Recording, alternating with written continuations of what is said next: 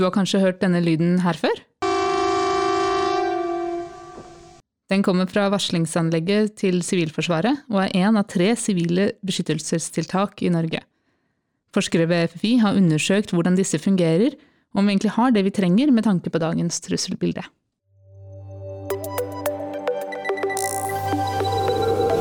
Ugradert, en podkast fra Forsvarets forskningsinstitutt.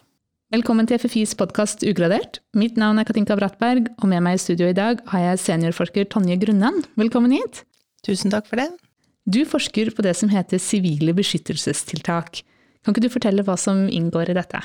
Ja, man kan jo si at uh, sivile beskyttelsestiltak består jo hovedsakelig av tre uh, tiltak. Det handler om varsling, tilfluktsrom og evakueringsplaner.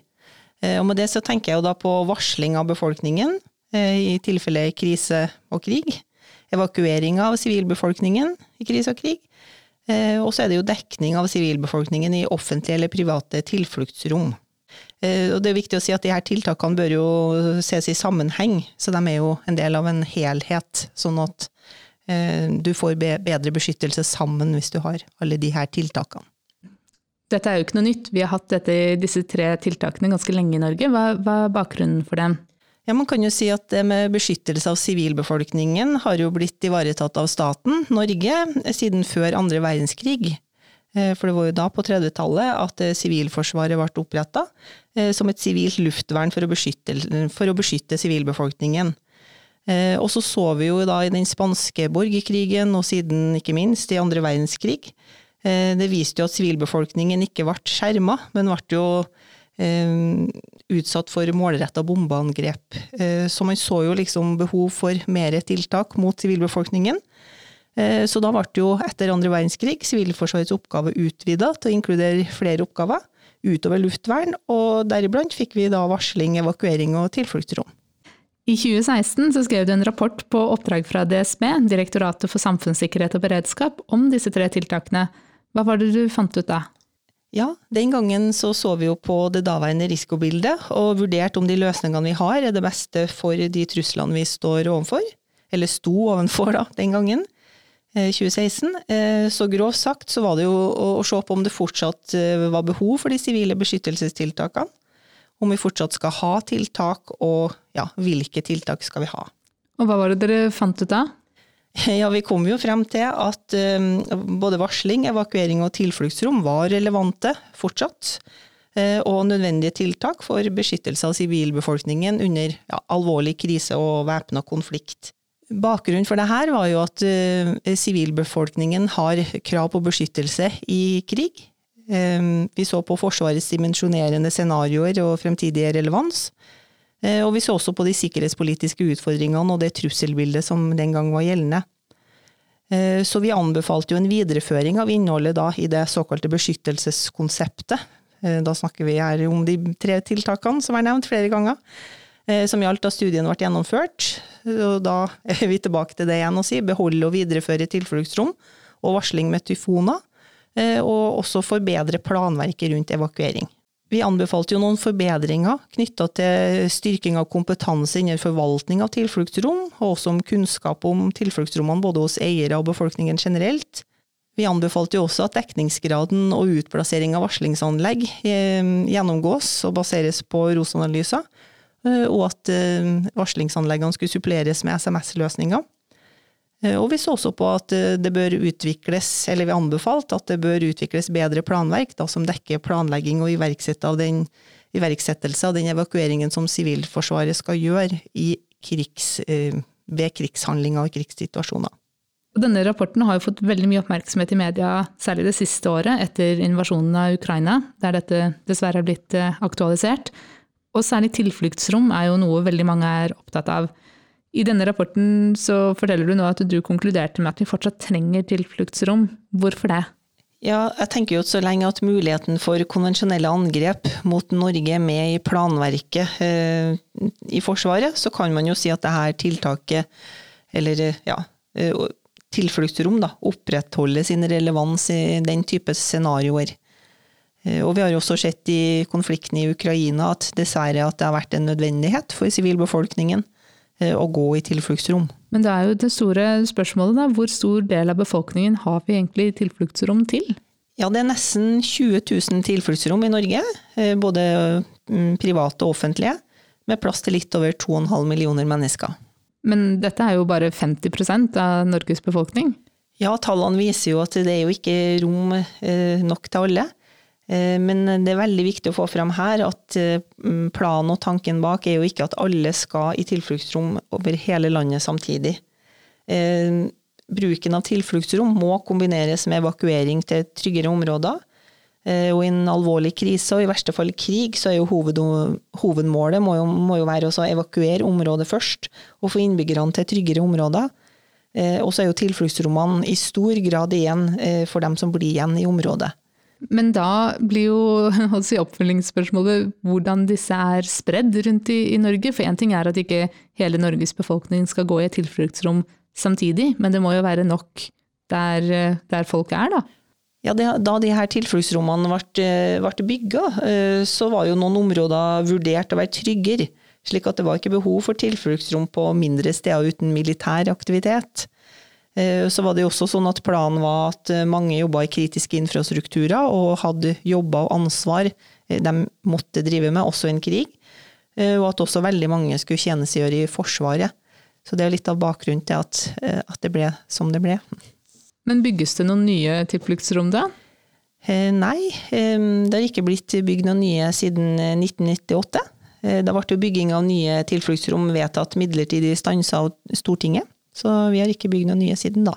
Og Én ting er jo hva vi på papiret har, da, men noen tilfluktsrom er vel kanskje i tillegg også fulle av sykler, eller blitt eh, parkeringsplass, eller under oppussing, eller andre grunner ødelagt. Eh, hvordan er egentlig tilstanden på disse tilfluktsrommene vi har? Ja, Det er veldig variabel tilstand på mange av tilfluktsrommene, det må jeg si. Noen er jo temmelig dårlig forfatning, andre er jo fin. Men gjøres det noe da for å sette i stand de som ikke er i tilfredsstillende eh, kvalitet? Det er jo eieren av bygget som har ansvar for å vedlikeholde rommene i fred, både private og offentlige eiere. Eh, og det er også deres ansvar å drifte rommet i beredskapssituasjoner. Så kan jeg jo legge til at eh, en del av de som brukes til andre formål i, nå i fredstid, de har jo selvfølgelig da gjerne en litt bedre tilstand enn en, en del av de som aldri har blitt brukt, eller sånn. En annen type rom, da. Og det er kanskje noen situasjoner også der man ikke skal uh, gå i tilfluktsrom? Nei, det er sant. Uh, I mange tilfeller så kan det jo være at man blir bedt om å f.eks. holde seg hjemme òg. Hva slags situasjoner kan det være? Ja, det kan jo være hvis det er en, eh, en spesiell gasslekkasje eller en hendelse med noen gasser som gjør at man helst bør være inne og ikke skal forlate huset sitt. Eh, så kan jo det være den beste løsningen. Du tegner jo et litt dystert bilde av, av dette beskyttelsestiltaket. Det, bør vi være bekymret? Nei, jeg mener ikke det. det. De er i veldig forskjellig forfatning, mange er også i god forfatning. Eh, nå er det jo DSB og Sivilforsvaret har jo oversikt eh, over tilfluktsrommene, og de fører jo også tilsyn med en del av de. Så jeg syns ikke det er noe grunnlag for å si at vi skal være bekymra. Vel, tenker på hva med alle disse tunnelene vi har rundt omkring i Norge, eller idrettshaller, enorme kontor og industribygninger og sånt. Eh, de har vel ikke status som tilfluktsrom som sådan, men det må vel kunne være mulig å bruke de også ved behov? Eller kan man ikke det?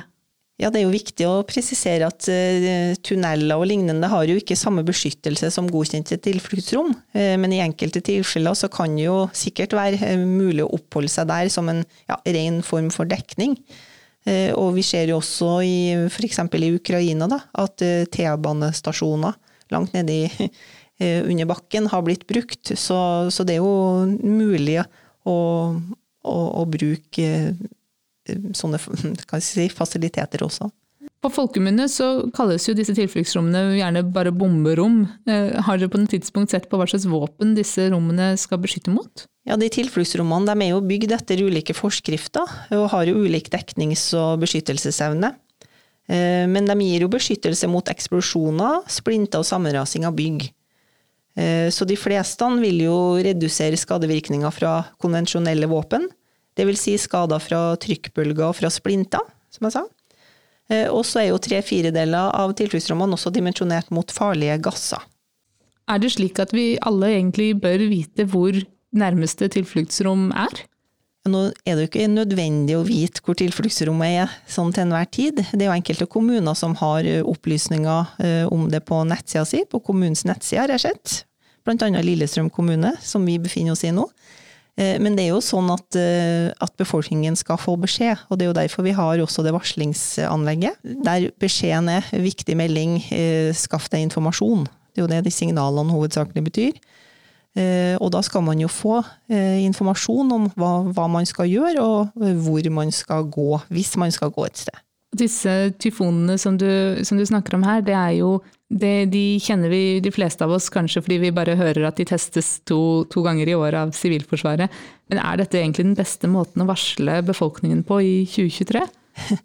Ja, det, ja, det kan du si. Eh, det er jo sånn at um, jeg tror det, det varslingsanlegget er fortsatt viktig. For det betyr jo eh, viktig melding, søk informasjon. Og da kan man skaffe seg informasjon, gå til radio helst, eh, eller også på nettet eller andre myndighetssider for å få informasjon. Eh, men det som er veldig viktig, er jo at eh, vi har nå fått et supplement til Sivilforsvarets sireneanlegg og ja, politiets varslingsrutiner for den del, gjennom SMS-varsling. Og det er jo et veldig bra og moderne tiltak, kan man jo si. Og da vil man jo nå atskillig flere, og du kan få også mer målretta direkte informasjon til befolkningen. Ja, For disse tyfonene de har vel heller ikke full dekningsgrad av befolkningen? Nei, det er jo sånn at det er også der rundt 50 av, eh, av befolkningen som, har, eh, ja, som, som dekkes av den tyfonvarslingen. Så, men denne SMS-løsningen som du snakker om, den vil nå rulles ut nå, da? Ja, ja da, den vil rulles ut nå. Det kom jo eh, meldinger fra regjeringen her i vinter om at det, det er i gang å rulles ut.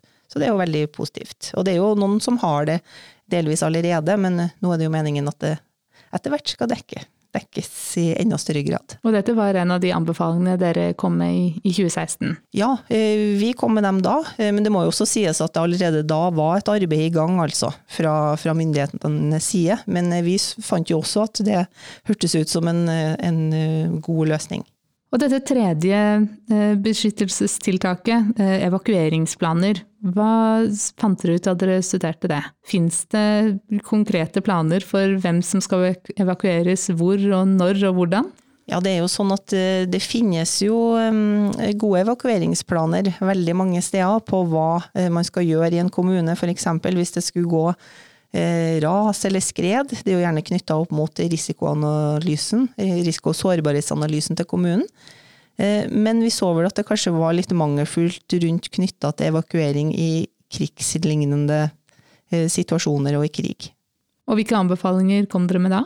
Ja, vi ønska jo gjerne at man så litt bedre på det her, og kom med litt mer konkrete tiltak på det. Men regjeringen og DSB jo, eh, jobber jo nå med en ny modell for beskyttelse av befolkningen. Og, i det her så ligger det jo også videreutvikling av evakueringsplaner, og spesielt Eh, fokusert kanskje da mot evakuering i krig. Eh, så her vil det komme nå. Eh, og krigen i Ukraina har jo naturligvis aktualisert forskningen din i media. Men har den også påvirket noen av de tidligere anbefalingene som du har kommet med? Altså Har behovene i Norge for beskyttelse av sivilbefolkningen endret seg som følge av krigen? Eh, nei, ikke direkte. Eh, men eh, tilfluktsrom har jo blitt aktualisert. Vi ser jo det fra, fra Ukraina-konflikten, at sivilbefolkningen har vært nødt til å søke ly i, i tilfluktsrom, eller i, i T-banekjellere eller andre dekningsrom av ulik grad. Um, så, så, det er jo egentlig bare knytta til det, at man ser at vi kanskje fortsatt trenger dem. Men alt det vi har snakket om nå, det handler jo i det store om beskyttelse av sivilbefolkningen. Og det er jo et tema som det har vært forsket på i ganske lang tid ved FFI, ikke sant? Ja, FFI har jo lang tradisjon for å forske på uh, ulike aspekter ved beskyttelse av samfunnet. Uh, vi hadde jo også en uh, prosjektserie som gikk helt fra 1994, som het BAS, beskyttelse av samfunnet. Der man blant annet så på sårbarheter i kritiske infrastrukturer, det har vært sivil-militært samarbeid, det har vært mye knytta til det med beskyttelse av samfunnet og befolkningen. Eh, og det har jo nå gått over mer i den eh, kanskje samfunnsvitenskapelige totalforsvarsforskninga vi har ved instituttet i dag, da. Så dette er jo fortsatt et svært aktuelt tema, da. Hva, hva jobber du med akkurat nå? Ja, i det siste så har vi jo vært litt blant annet involvert i oppdrag vi har hatt både for Totalforsvarskommisjonen og Forsvarskommisjonen. I leveransen til Totalforsvarskommisjonen så, så har jo det her med sivile beskyttelsestiltak, våre erfaringer eller vurderinger rundt det, annet har blitt tatt med inn.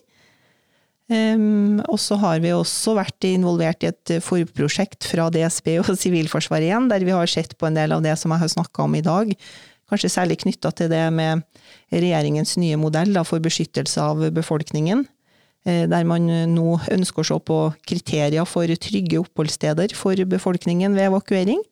Altså muligheter for andre oppholdssteder også enn bare tilfluktsrom, som vi har prata mye om nå. Og det med evakueringsplanverket og osv. Er det noen planer for videre studier av sivile beskyttelsestiltak?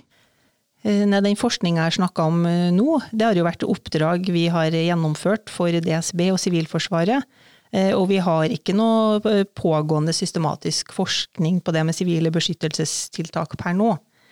Men vi ser jo at det er behov for mer forskning på temaet. Og hvilke spørsmål er det som vil være aktuelt å se nærmere på da? Ja, vi ser jo at det er behov for mer kunnskap om en rekke områder, og jeg kan jo annet nevne at det er behov for kunnskap om hvordan sivilbefolkningen i Norge skal beskyttes mot krigsforbrytelser og andre former for overgrep i væpna konflikt, sånn at menneskelig sikkerhet ivaretas. Og så er det også behov for å se mer på hvordan sårbare grupper skal beskyttes, og om det er behov for ekstra tiltak som ikke er beskrevet i dag, for å nevne noe, da. Og du holder selv på med en doktorgrad i kriseøvelser, hva ser du på der da? Ja, der prøver jeg også å se på egentlig forskjellige aspekter ved nasjonale tverrsektorielle krisehåndteringsøvelser. Målet der er jo å se på og si noen ting om hvordan man kan lære av de her øvelsene. Og få implementert kunnskapen man har fra øvelsene, og få reell endring. Det er et stort tema, men jeg prøver å, å se litt inn på det, da. Er også veldig aktuelt. Jeg tror du må komme tilbake ved en senere anledning og snakke mer om det. Men tusen takk for at du hadde tid til å komme hit i dag. Jo, tusen takk for meg. Og dersom du som lytter vil lære mer om FFIs totalforsvarsforskning, kan du finne mye mer om dette på ffi.no.